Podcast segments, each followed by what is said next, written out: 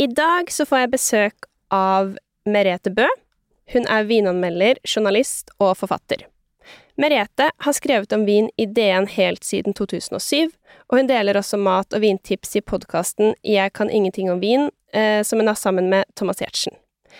Jeg vet at Merete begynte å samle på vin da hun var 14 år, så jeg lurer litt på hvor kom egentlig den vininteressen fra? Og hvordan er det egentlig man bør gå fram hvis man vil starte en vinkjeller akkurat nå, i dag? Det har jeg lyst til.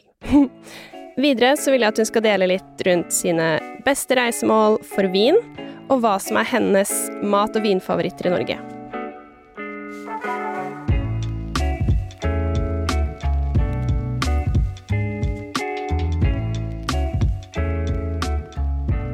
Velkommen, Merete Bø. Tusen hjertelig takk.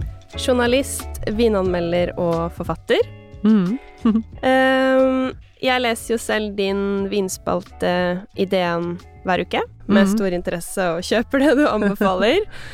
Eh, men jeg ønsker meg egentlig også litt en matspalte fra deg, Mm. fordi du har jo en podkast med Thomas Giertsen som heter Jeg kan ingenting om vin. Mm. Og i den så snakker dere jo ganske mye om mat, og du forteller liksom at du sylter, eh, griller lam på bålet, lager oksehaleragu i flere timer mens du drikker god vin med venner. Kanelboller med karamellsaus som er bedre enn Maemmo sine. Altså, så heldige folk rundt deg er. Det er bare det jeg sitter og tenker. Jo, takk. Eh, Ja, kanskje jeg skal gjøre det. Eh, Jeg lager jo masse mat og alltid lager masse mat, men jeg, eh, jeg føler liksom ikke at jeg Skjønner du? Du, er jo litt sånn hobbykokk, sant? Så du er liksom ikke proff nok til å eh, Eller det har jeg i hvert fall alltid tenkt, for jeg har så respekt for kokkeyrket eh, at jeg tenker at eh, uff, nei, de skal få slippe å høre De skal få slippe å bli påle- bli beblemra med den maten min. Nei, det Men, men det er veldig mye glede i maten jeg lager, og da tenker jeg ja. Mm. Ja. Ja, du har, jo, du, har jo vært med å skrive Eller du har jo skrevet flere bøker om vin, og Mm. noen handler jo også om mat og vin, da. Ja. Senest vin og ost, for eksempel. Men ja. litt mer sånn oppskrifter òg, ja. Det, Mm. det ønsker jeg herfra, i hvert fall. Ja, så bra. det er greit å bli oppfordra til ting. Ja, ja, ja. Men, men jeg blir veldig sånn nysgjerrig på hvordan ble du interessert i mat og vin? Det virker som at det starta ganske tidlig for deg. Veldig tidlig. Um, var hjemme under oppveksten min, så jeg hadde en far som var veldig interessert, eller ganske interessert, så interessert han var på 80-90-tallet, kanskje. Uh, og så um, var, hadde de alltid masse god vin hjemme, og god mat, og eh, det var tilreisende, jeg husker jeg særlig fra Sverige og Danmark, de hadde bilen full av vin. Og da var det selvfølgelig Bordeaux-vin, for det var det som var kult på den tid. Eh, og jeg fikk alltid mer smake. Eh, måtte alltid spytte, eller Fikk å selge ned, i hvert fall. Men jeg uh, smakte, og skjønte ganske tidlig at uh, her er det en stor forskjell. Innad bare i lit, et lite område som jeg så for meg da, eh, Bordeaux. Um, forskjell på slottene, forskjell på årgangene, og så ble jeg Selv om jeg ikke nødvendigvis likte smaken, altså det var ikke den som trigga mest, det var mer historien. Eh, for når du er 14 13-14 år, så syns ikke smaken av særlig kraftig Bordeaux- Bordeaux-vin er så godt, men, eh, men det var at det var en forskjell, og at eh, det var lang historie og sånn, så lånte meg en bok på biblioteket og begynte å lese. Um, og så fikk jeg eh, en VHS-kassett fra BBC som en serie om druer, som Jancis Robinson, som er skribent i Financial Times fortsatt, hadde på BBC i begynnelsen av 90-tallet. Og den så jeg Den tror jeg kan utenat. Den så jeg eh, sikkert 20 ganger på en sommer, og da tror jeg han varte i sånn ti timer. Så- Oi, ja det er jo litt Eh, Så da, var, da ble jeg helt sånn hekta, egentlig. Begynte å kjøpe vin. Uh, ja. Ja, Mm. men uh, altså, det, er, det er så mye her, på en måte, som jeg, som jeg får lyst til å følge opp på. Men jeg syns det er veldig interessant også at du eh, Du likte ikke nødvendigvis det du smakte, Mm. men fortsatt så trigget det noe i deg. Så det Ja, det er veldig interessant. Ja, det er jo um, Vin er så veldig mye mer enn en alkoholholdig drikk, da, for meg. Uh, det er historie. Den har fulgt liksom menneskets moderne historie i 6000-8000 år. Um, det er vin i alle eh, på en eller annen måte i alle samfunnslag, selv om det har blitt sett på som en sånn luksusvare, så har det vært Og kanskje enda viktigere tidligere, da, hvis en ser tilbake til Romerriket og sånn. Jeg går alltid tilbake til romerne, for det var de som liksom tok med seg vinen ut, ut utenfor Roma, eh, eller utenfor Eller spredde det i hele Europa, da. Eh, så, så, vin har vært liksom noe mer enn eh, enn bare alkohol og bli full. Mm. Eh, så det var liksom ikke det som var hva skal jeg si eh, Det var ikke det som inspirerte meg. det var mer historien rundt vinen, og, og at en kunne smake forskjell på noe. Fordi at det, eh, du kan sikkert Du kan jo smake forskjell på en kål som er vekst der mot der, men, men vin er så mye mer Ja. mm. mer enn det. Mm. Ja. Men um, du sier også at du, hva skal man si, brukte ukepenger, da, mm. eh, på å kjøpe vin sånn fra du var 14 mm. Altså selv om det er fra Voss, holdt jeg på å si, så regner jeg ja. med at det du kanskje måtte At det var noen andre som kjøpte det? Var ikke, det, ja, det var ikke pol på Voss da, så jeg måtte til Bergen, og jeg husker pappa bestilte og, Eller jeg sa hva han skulle bestille, for jeg var jo ikke gammel nok til å kjøpe, så, og dette var jo for å putte i kjelleren, så var, da var det jo greit å kjøpe Altså, dette var jo til å begynne å spare. Jeg skjønte, allerede da så var prisstigningen på Bordeaux begynte å komme, uh, så jeg skjønte at uh, det var lurt å kjøpe nå. Uh, men jeg hadde jo ikke Jeg tjente Jeg hadde en vaskejobb, så jeg tjente jo ikke så mye. Men jeg brukte alle pengene på vin, tror jeg. Ja. Men altså, hvordan fant du ut hva du skulle kjøpe? Nei, det er Lars Ja, det er et godt spørsmål. Eller hvem sine vinspalter ble du Nei, jeg las For det, jeg hadde Jeg tror ikke jeg las noen avis eller noe sånt. Jeg har egentlig aldri eh, lest så veldig mye anmeldelser, fordi at eh, eh, Jeg vet ikke hvorfor, det er litt dårlig Litt dårlig innrømmer da, men for først etter jeg begynte å skrive om vin sjøl, så har jeg egentlig tenkt jeg skal ikke lese noen andre, for jeg vil ikke bli påvirka eller usikker, eller tenke at eh, å eh, oh ja, de syns at den var bra, kanskje han er bedre enn det jeg tror. Altså, jeg er bare 100% stor på meg sjøl, ikke lest noen andre. Eh, for jeg tror veldig mange følger etter andre, og da tror jeg aldri blir bra, egentlig. Eh, for de som leser deg, de leser deg fordi at de er litt enig med deg. Og hvis du begynner å tvile på din egen smakssans, så tror jeg de begynner å tvile òg, for å si det sånn. Men uh, jeg uh, Nei, jeg las mest bøker, egentlig, altså om vin, ikke anmeldelser. og skjønte at ok, dette slottet Den første vinen jeg kjøpte, var Håpriot, 1985. Og den har jeg i kjelleren fortsatt. Jeg har smakt den mange ganger, men jeg har den flaska jeg kjøpte, for jeg kjøpte bare ei flaske, og den koster rett til 500 kroner. 542 eller noe sånt. Um, og det er jo en vin som jeg skjønte at uh, den blir aldri billigere. Den har aldri vært billigere, og det er en bra årgang i tillegg, så ja. Men hva vil den koste nå, da, hvis du selger den på auksjon? Nei, 5000-6000 eller noe sånt. Så ja. det er ikke sånn enorm prisstigning, selvfølgelig, på så mange år, men, men for 500 kroner burde du kjøpt uh, flere kasser. Ja, ja. men når skal du Det høres ut som Eller du sier at du har den, og du har sikkert flere av de vinene også. Når er det mm. du skal Hva, hva er anledningen, liksom, for Nei, å drikke de? Det, det, det, er sånn Den er litt sånn Jeg har jo begynt å få en stor vinkjeller, men jeg den er liksom den første vinen som virkelig betydde noe, da. Så jeg er litt sånn redd for hvis jeg tar den, så da, da går korken ut av flaska. altså da går liksom bunnen ut av vinkjelleren litt. Det, eh, så den, den, sitter litt langt inne. Men de andre vinene jeg kjøpte tidlig, de har jeg åpna flere ganger, så det er ikke noe Det er liksom et eller annet med den som, som sitter litt langt inne. Mm. Det, det, skjønner jeg godt. Um, jeg regner med at vi får høre om det i poden din når du, når du, går løs på noen av de, ja, den må de åpnes med Det blir nok en liksom Det blir veldig sånn lett sånn følelsesmessig engasjert når det er god vin, da. Så ja. ja.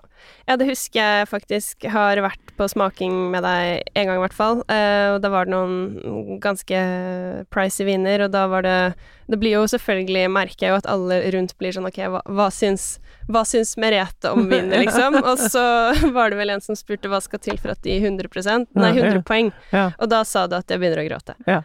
Ja. Så det er liksom det som er uh... Uh, Ja. Det er ganske Jeg har gitt 100 poeng tre ganger. Alle gangene så begynte jeg å grine. Mm. Ja. Og det, det har ikke vært noe sånn Du har ikke sittet i en romantisk sammenheng, eller det, det, har vært på en sånn vinsmaking, eller aleine, faktisk, og smakt en vin og tenkt Jesus, det liksom, den trykker på en knapp. Og den ene vinen, den første jeg ga 100 poeng, den har jo smakt en gang til, eh, på en mur i Burgund. Eh, og det samme skjedde da. Ja. Altså, eh, og, så da er det en eller annen kvalitet med den vinen som bare Ja, er for meg helt Var det det Romane Conti 12. Ja. Mm. Mm. Det kan man det, Ja, men det syns jeg var Jeg, ble, jeg syns det var så koselig. Eller dere, du og Thomas har jo det øyeblikket faktisk i Mm, podkasten mm. deres, så det er ja, litt rørende, faktisk. Mm. eh, ja, man kan jo bli rørt av mat og vin, virkelig. Ja, og da syns jeg jeg Jeg tenker det er viktig å Eller det er jo de opplevelsene jeg ønsker at eh, alle lesere eller lyttere eh, eller seere skal få, da. Eh, selv om det trenger ikke være verdens dyreste vin sånn som den er, men, eh, men det kan være andre øyeblikk og andre kombinasjoner, da. Mat og vin, eller, eller bare en flaske vin som kan Som du aldri glemmer, da. Som Ja, for hva Vi skal ikke bare, bare snakke om den og bare snakke om dyrvin, dyrvin men hva, hva koster den, eller hva er den dyreste vinen du har drukket, sånn pris? Å, det er vanskelig å vite. For dette det er sånn eh, sant, Jeg er heldig som får bli eksponert for mye vin som jeg nødvendigvis ikke har betalt for sjøl, med mine egne penger. Så, så det er ikke alltid jeg klarer å verdsette alt. Men nei, det er jo verdi, Annenhåndsverdien på noen av de flaskene er mange hundre tusen, ikke sant. Ja. Det er bare noen veldig få forunt å få smakt det, faktisk, i løpet av livet. Så det Men eh, ja, veldig, veldig spennende. Um, men du har jo jobbet med vin eh, lenge. Vært i DN siden 2007, Mm, tror jeg. Ja. Eh, og så har du vært eh, restaurantsjef på uh, Parkhotell på Voss. Og så har du vært sommelier på Bagatell under Mm. Hellstrøm. Mm. Um, hvordan var det egentlig, å jobbe på Bagatell? Da var Jeg tror jeg jobba da ganske sånn på, på per- perfekt tidspunkt. Eh, det var rett før eh, finanskrisen og eh, rett etter, men Eller egentlig så å si nesten alt var før. Så folk hadde store feite kontoer fulle med penger med, så de kunne bruke på mining and dining. Så du fikk litt Og det var ikke så mange Det var Statoil-gården og Bagatell. Det var liksom ikke så veldig mange andre konkurrenter til den stilen av restaurant på den tid. Så alle var der. Det var ikke sånn at uh, Du følte liksom at uh, du Du gikk glipp av noe uh, hvis du gikk ut av Bagatell, for å si det sånn. Alt skjedde der.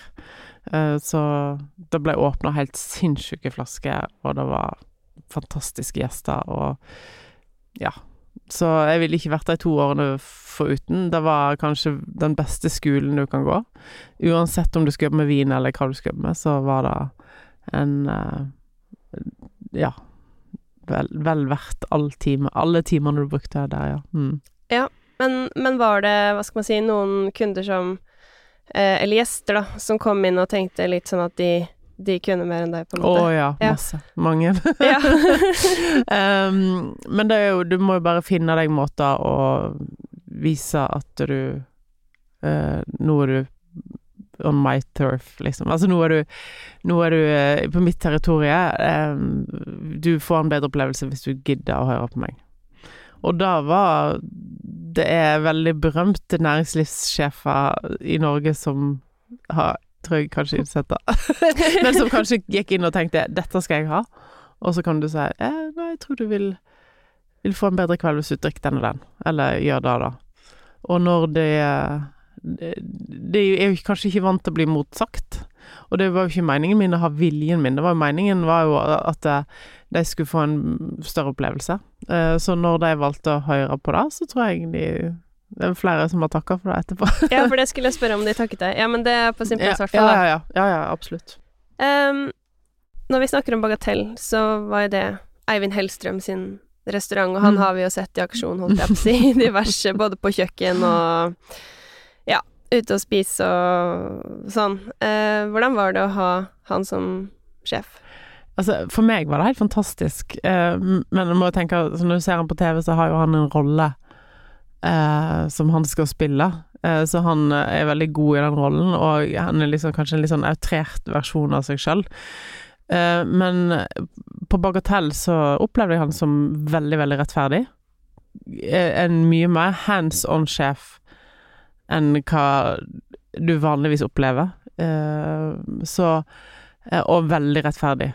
Så når du Og han har aldri kjefta på meg, men når du gjorde en bra jobb, så ble du belønna for det. Virkelig. Eh, og eh, selvfølgelig var du en slapp jævel, så fikk du høre det òg. Ja. Men det er veldig rettferdig, syns jeg, og det er jo sånn det burde være litt mer.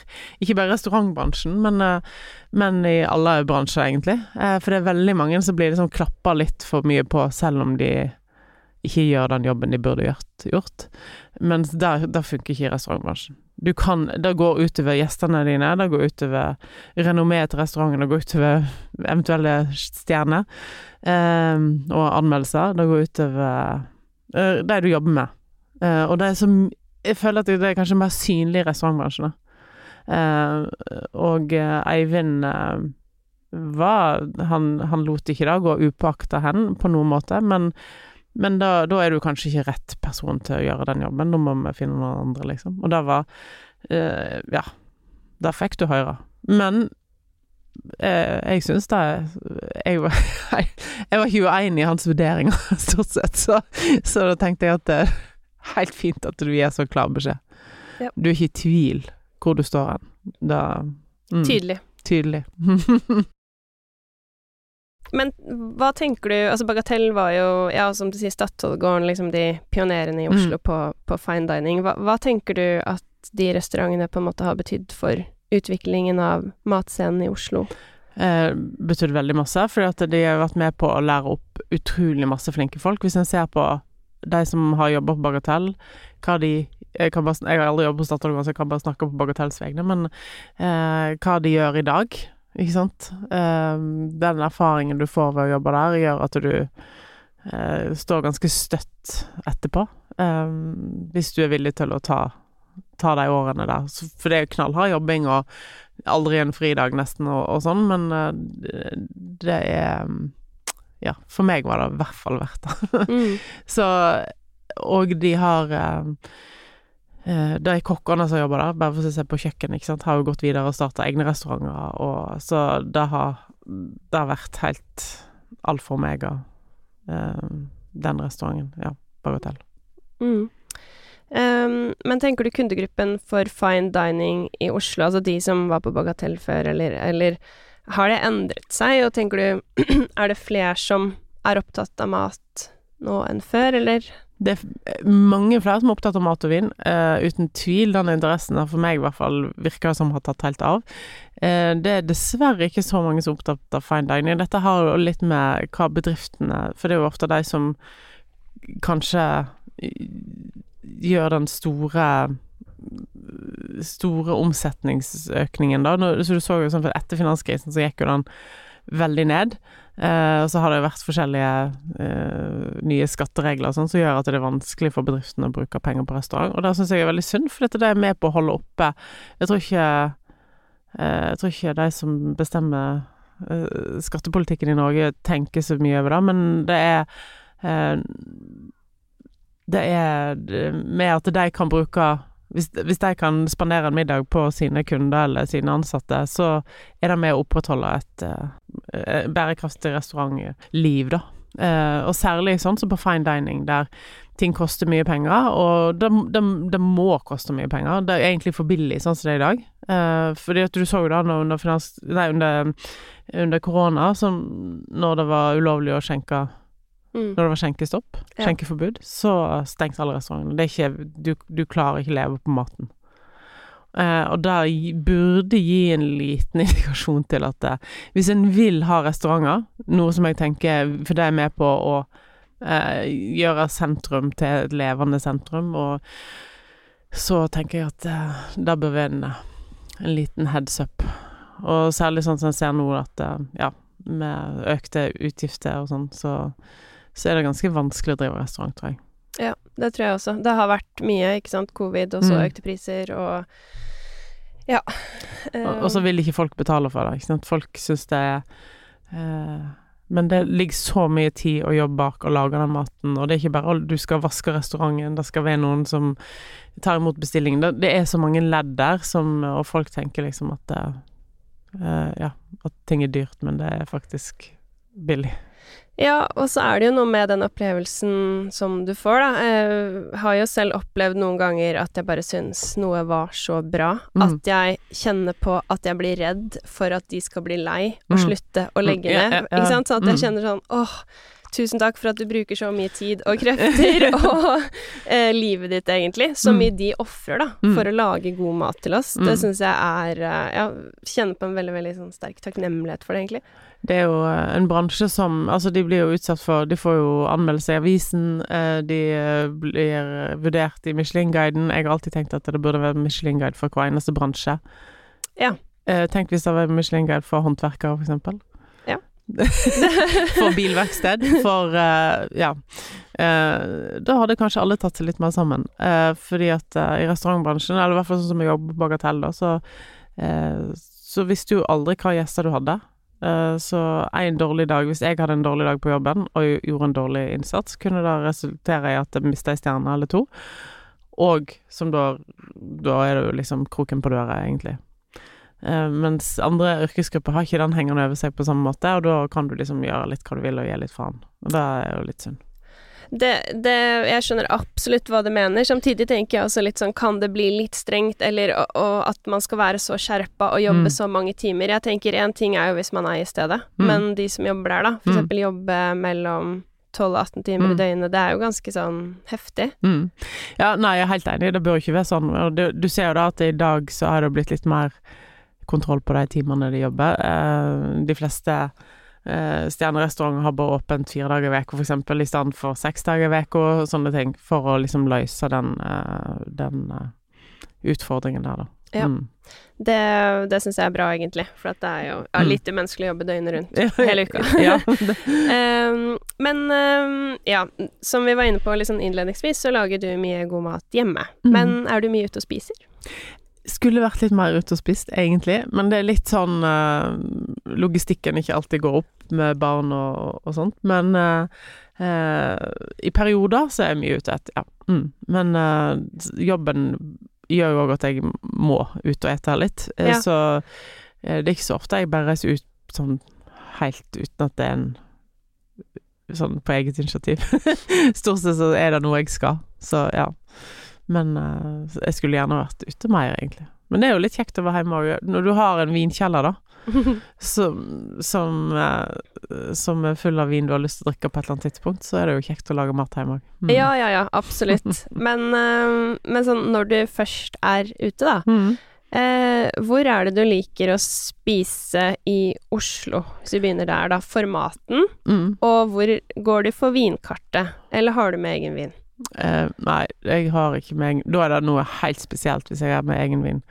Eh, men eh, nei, for maten jeg er veldig glad i brass... Altså i Le Benjamin.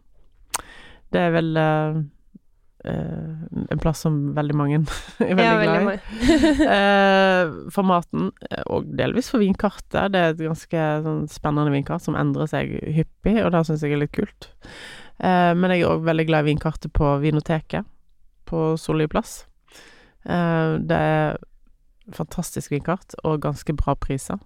For at jeg er- liker ikke så veldig godt Jeg veit hva vinen koster, så jeg syns det er liksom, når det er veldig høyt påslag på litt dyrere viner, så blir det litt sånn ah. Ja. Ehm, så i Oslo så ville jeg kanskje sagt de to. Mm. Ja. Og på Vinoteket er det veldig god pizza i tillegg, så da kan du heller bruke litt mer penger på vinen, og så kan du ete pizza. Det er litt digg av Ja. Det er sant, selv om den løyrompizzaen er prisa til 600, Ja. faktisk. Ja. men, eh, men ja, men hvis vi tenker litt sånn eh, ellers i Norge, da. Favoritter? Uh, ja, da må jeg tenke meg litt om, men uh, um, um, um. I eh, Bergen, for eksempel, der er jeg en del. Der er jeg ofte på Villa Villani, som har et bra vinkart, eh, og litt sånn enkel, god mat. Eh, eller Fjellskål, for eksempel, har veldig bra vinkart, og ja, freshe skalldyr og, og sånn. Um, så kanskje de to i Bergen. Um, Kristiansand Hva heter det? Smak og behag? Smak og behag. Det har ikke jeg vært ennå. Nei. Det er mye vin der, i hvert fall. Ja, To, en klassisk og en naturkilde. ja.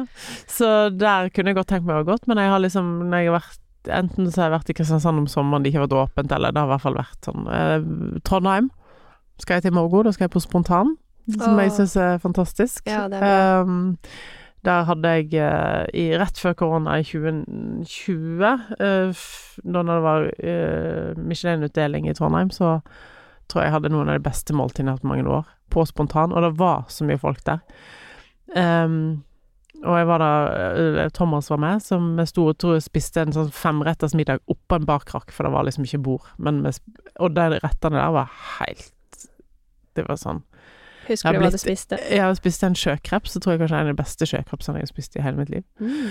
Uh, så, og en kyllingleverparfé som var helt fantastisk, med tyttebær. Så, og dette var i 2020, så det er ganske godt gjort å huske. Ja, veldig. Uh, ja. Ja. Uh, så spontan er jeg glad i. Mm. Det er veldig bra. Jeg er helt enig. Ehm, men er det litt sånn, hva skal man si, den mat- og vinbransjen er jo ikke så stor, eller det miljøet da, hvis man ser på Norge. Mm. Er det litt sånn at når du kommer på restaurant at, at det nesten blir litt sånn, åh, er hun, skal jeg tørre å anbefale vin til henne liksom, eller? Ja, det eh, er forbausende. Det er det er både òg. jeg opplever folk som er skikkelig uh, nonsjalante i vinservicen og tenker, jeg tenker sånn Ja ja, ok, greit. og andre, mot, andre blir helt stressa og bare gir meg vinkartet og er veldig spent på hva jeg velger. Så, Ja. eh, så det er både det, begge deler. Men det er jo tror det er mange som òg ikke veit hvem jeg er, så de jobber sånn som de alltid Hva foretrekker du da av de tre? Nei, altså, jeg vil helst velge vin sjøl, så det hjelper ikke Altså, det er ikke vits Eller Samme hva de sier, liksom. ja, ja, nesten. Eh, det er nesten litt sånn Jeg blir nesten litt sånn åh, ja, du trenger ikke Altså, Jeg vet hva, jeg vet hva dette er. altså, Ja, Ja. slapp av. Ja, men det- Um, Så Men eh, det jeg blir glad for, eh, kan jeg jo si, at det er jo alltid vin som aldri står på vinkartet. Så hvis de skjønner at jeg er kanskje en gjest som hadde satt pris på og fått visst hva det var, så blir jeg veldig glad når folk sier 'du, jeg har dette og dette, står ikke på kartet'. Så ja. Ja, men det er jo veldig Sånn opplever jeg egentlig bransjen litt, at hvis man viser litt sånn ekstra at man er interessert, da, og Mm. spør litt om maten eller vinen, eller så kan du både ende opp med å få bedre service, og at de faktisk sier 'vil du være med ned i kjelleren', Mm, eller Og det mm. er jo veldig sånn De syns jo Jeg forstår jo det, det må jo være stas for dem også at noen eh, er så engasjerte. Du vil jo heller selge vin til dem enn bare til noen random som ikke vet helt hva man drikker, eller Mm. Ja, ja, helt enig. Um, jeg har jo faktisk uh, nekta folk vin av og til når de har liksom Når de kjøper veldig dyr vin, og de har, er på, liksom, på mange flasker, og de ikke vet, og skjønner etter hvert at de ikke vet hva de drikker. De vet ikke om de er Burgund eller Bordeaux, eller, og da tenker jeg nei, vet du hva, jeg vil ikke sløse den vinen vekk på deg, for den vil jeg heller selge til noen som veit og setter pris på det. ja, men jeg tenker det er lov, jeg. Men den eh, Nå er vi liksom inne på vin igjen, og den kjelleren din har de jo nevnt eh, et par ganger. Eh, Du har jo din egen vinkjeller hjemme, og så mm. har du litt sånn ekstern oppbevaring Mm. på Voss, da. Hvor mange flasker har du eh, på lagring sånn totalt sett? Oi. Jeg veit ikke helt eksakt, men uh, noen tusen er det jo. Ja. Så Så eh, det har blitt litt sånn de siste årene at jeg drikker mindre og mindre, fordi at eh, du er mindre og mindre Du er jo så mye på jobb, og det er så mye smaking og sånn, så du blir litt lei, egentlig. Altså ikke lei egentlig smaken, jeg blir mer lei av øh, å føle seg litt bakpå dagen etterpå etter å ha drukket litt vin, for det, skal ikke så mye til, for for å si det sånn. Så, eh, så det, og det har jeg egentlig ikke tid til, og er dårlig. Så derfor så drikker mindre og mindre. Um, og da hoper det seg, for jeg kjøper jo mer og mer. så, Ja. så det blir jo, det blir jo en øk, det øker hele tida. Mm. Men du har sikkert noen gjester og sånn innimellom som gjerne smaker på den Å vinen. så- ja. Eh, ja. Men nå, for øyeblikket nå så er det så fullt at jeg ja, har begynt med ekstern lagring rundt omkring. Ja, fy søren. Ja, det Ja. Um, men, um, men hvor mange viner tror du at du smaker på sånn i løpet av en uke, da? Og ei uke er det vanskelig, for det er veldig opp og ned fra uke til uke. Det kan være 1000 på ei uke, eller det kan være eh, 50. Men eh, i løpet av et år så ligger det på rundt 10 000. Det er ganske mange viner. Er Og bare det å Hvordan klarer du på en måte å skille de fra hverandre? Det er kanskje et dumt spørsmål, men hvis du har på en måte ti av samme årgang, samme Mm. druetype, skal du si noe om hver enkelt? Ja, du, du blir eh, Noen ganger kan det være enkelt, andre ganger kan det være en stor utfordring, fordi at eh, det er i hvert fall å beskrive dem, da. Selv om du kjenner forskjell, så er det å finne ordene, da, som, eh, som gjør at de andre ser forskjell, eller kan lese forskjell, og den er av og til litt utfordrende, uh, syns jeg. Så den kan være litt eh, Jeg føler ofte at jeg gjentar meg sjøl mange ganger, men eh, eh, jeg skulle ønske at jeg alle kunne liksom få en smaksprøve, alle, i, i stedet for å lese. Kunne man fått en smaksprøve. For Ja. jeg alle hadde kjent det samme som meg, men eh, ja. Så det er jo Du føler av og til at det, språket er litt fattig, eh, rett og slett. Eh, særlig Det er mange ord jeg har lyst til å bruke som ikke fins på norsk, for eksempel. Fordi at du har tatt en utdannelse på engelsk, og du, eh, du leser mye bøker på, på engelsk særlig, og kanskje også fransk, og så, og så kommer du på norsk, og så bare åh, jeg kan ikke bruke dette ordet. Eh, Det, det, det fins ikke ord for dette her. Og det er litt sånn ha. ja, ja, men det skjønner jeg. Jeg skjønner akkurat hva du mener, egentlig. Men jeg syns at du, du gjør en god jobb. Jeg blir i hvert fall litt sånn Jeg vil ha den og ikke den Mm, når mm, du skriver. Eller jeg vil jo ha alle, men ja. Du, du klarer å, å forklare forskjellen på dem, syns jeg i hvert fall. Um, men hvis man eh, Det med vinkjeller blir jo bare mer og mer populært, Mm. uh, har jeg inntrykk av. Um, har du noen enkle tips for de som vil starte opp en egen samling? Sånn Ja, det er ikke bare eh, sett, for, for Det enkleste tipset jeg kan gi, er sett av litt mer plass enn det du i utgangspunktet tenkte.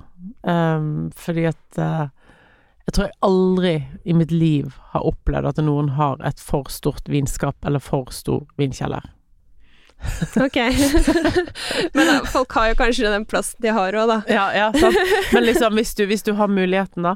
Eh, I Oslo så er jo alt eh, på veldig få kvadratmeter, og du må liksom velge med omhu.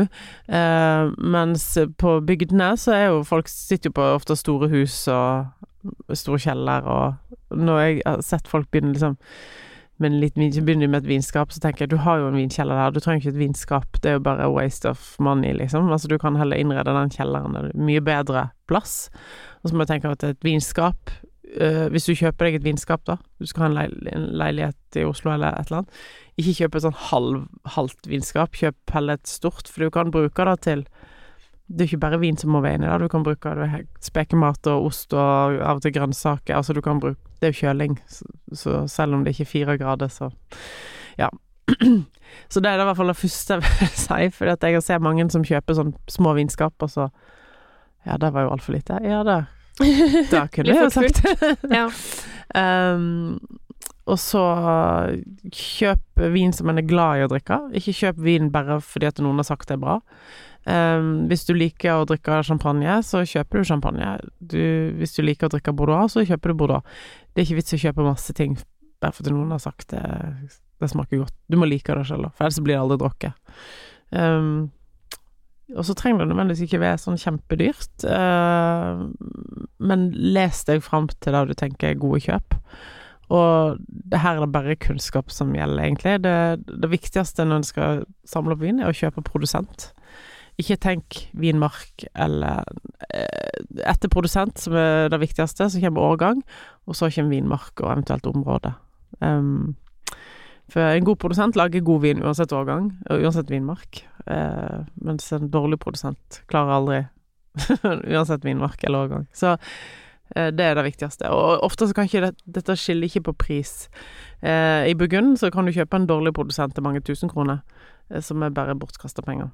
Og jeg ser veldig mange som har en flott og fin uh, vinkjeller med glassdører og alt, og så er det bare fullt av vin som koster mye penger, men som ikke nødvendigvis er verdt prisen. Ikke sant? Så sette seg litt inn i det man kjøper, rett og slett. Ikke bare For vin kan være en, både en kjempegod investering og en fantastisk kjekk hobby, eller kjekk investering å gjøre, men, uh, men det er veldig dumt å bare gå inn i det med uh, hud og hår og ikke tenke noe Altså, du må kunne litt for å eh, Men dette er jo, det er jo du må tenke at det skal være kjekt å sette seg inn i dag. Så eh, les jeg opp hva som er de beste produsentene. Og det er jo blitt litt sånn at det er flere og flere kan mye, ikke sant. Så de beste produsentene er blitt vanskeligere og vanskeligere å finne. Eh, og så er det jo da å finne nye, for det skjer jo hele tida endringer. Det kommer nye årganger, det kommer nye generasjoner. Eh, nye vinmakere på banen som starter for seg sjøl. Så det er alltid nye ting som er jo Det er jo litt min jobb å oppdage dem, da, før alle andre. ja. ja, fordi hvis du skulle anbefalt nå, da, tre champagner, tre hvite burgundere, tre røde, for eksempel, som man Mm. kan begynne å lagre i år, da. Da ville jeg eh, gått for Hvis jeg sier champagneprodusenter, da, Ja. eh, så kan du jo velge hva de får tak i. Jeg syns Gratier syns jeg er kanskje mitt favoritt-champagnehus, bortsett fra Krug. Krug er jo Ingen som vil krangle på at det der kanskje ikke er det, at det er det beste, eh, men det koster jo mye penger. eh, og jeg vil jo oppfordre alle til å oppleve Krug en gang i livet, eller flere, helst flere ganger. Men, men Gratier lager champagne veldig likt som Krug, så her kan du få gode kjøp for 500-600 kroner, og du kan putte i kjelleren, og det kan ligge i 20-30 år. Eh, ja. Gratier vil jeg putte liksom øverst på den gode kjøpelista for champagne. Og så eh, André Cloé syns jeg lager fantastiske champagner, og ikke dyre. Uh, her er det òg et sånt spenn fra 300-400 kroner opp til 600-700 kroner. Og de champagnene er faktisk forbausende billige i Norge i forhold til Jeg var i Italia rett før jul, og da fant jeg jo en André Cloé som koster 600 kroner i Norge, koster 1200 i Italia. Så det Um, ja, liten produsent. Uh, har både årgangssjampanje og Solera-sjampanje og ja.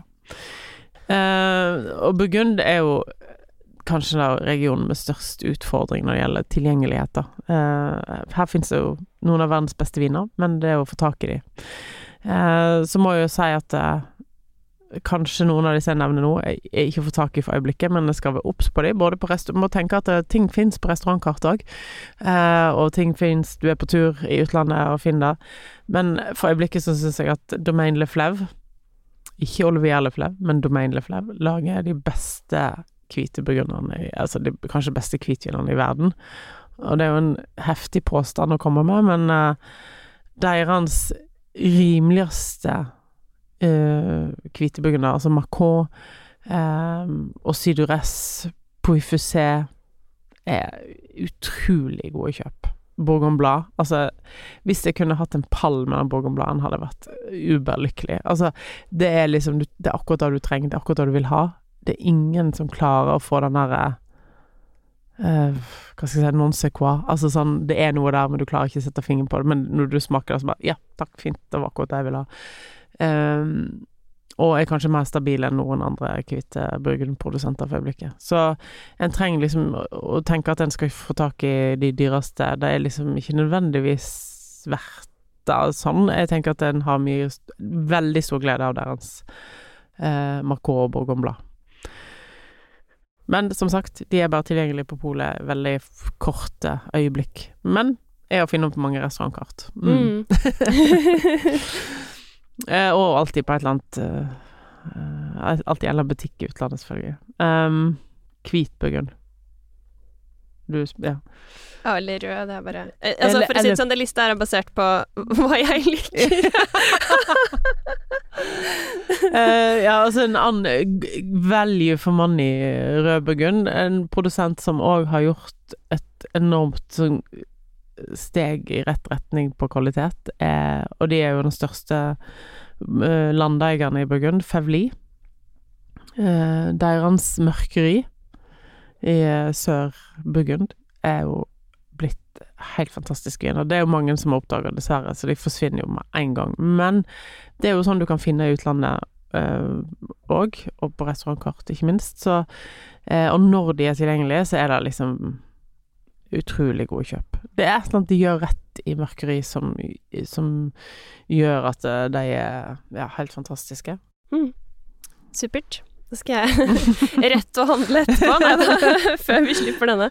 Um, men det er også et lite tips, jeg regner med at mange som hører på kanskje vet det, men uh, du sier det er vanskelig å få tak i, men hvis man følger litt med på når Polet har slipp da, av mm. viner, uh, og setter seg litt inn i hva som skal slippes, så kan man jo bare gå inn på nettsiden deres på morgenen, og mm. da får faktisk alle helt tilfeldig utdelt kønummer, så det er mm. veldig sånn fair, og så kan man jo handle. Mm. Ja.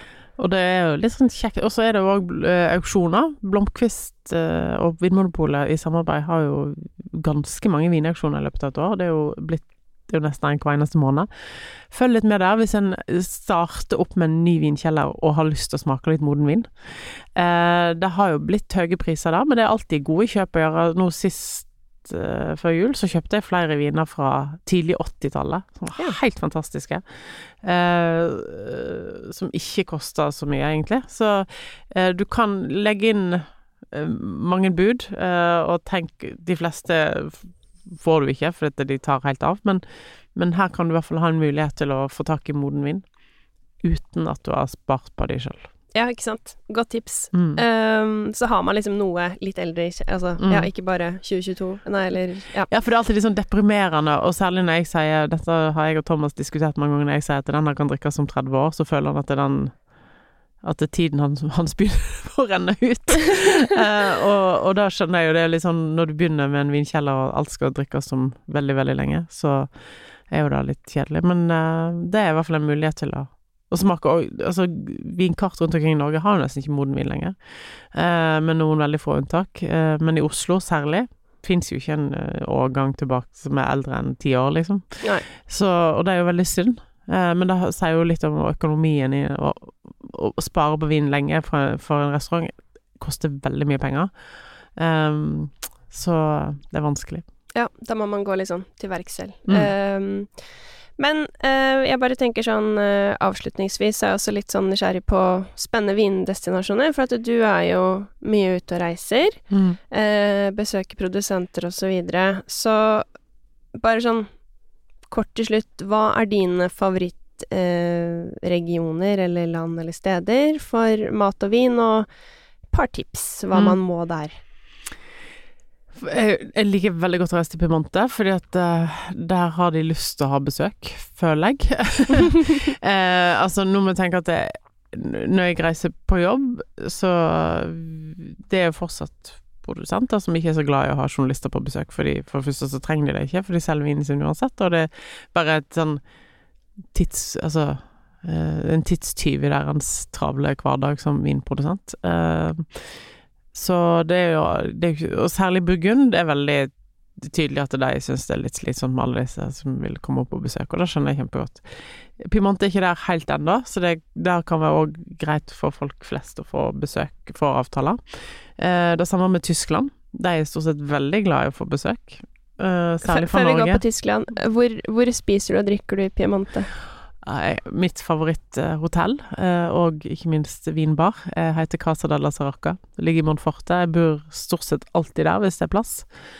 Han har bare seks hotellrom, så det er eh, ofte vanskelig å Det kan ofte være fullt, så man må planlegge litt. Men eh, å sitte i den vinbaren der og drikke gamle piemontesiske viner er for meg helt magisk. Og Julio som driver der, han er jo blitt eh, kjent med veldig mange nordmenn, for dette, det, jeg tror det er fullt av nordmenn der hele tida.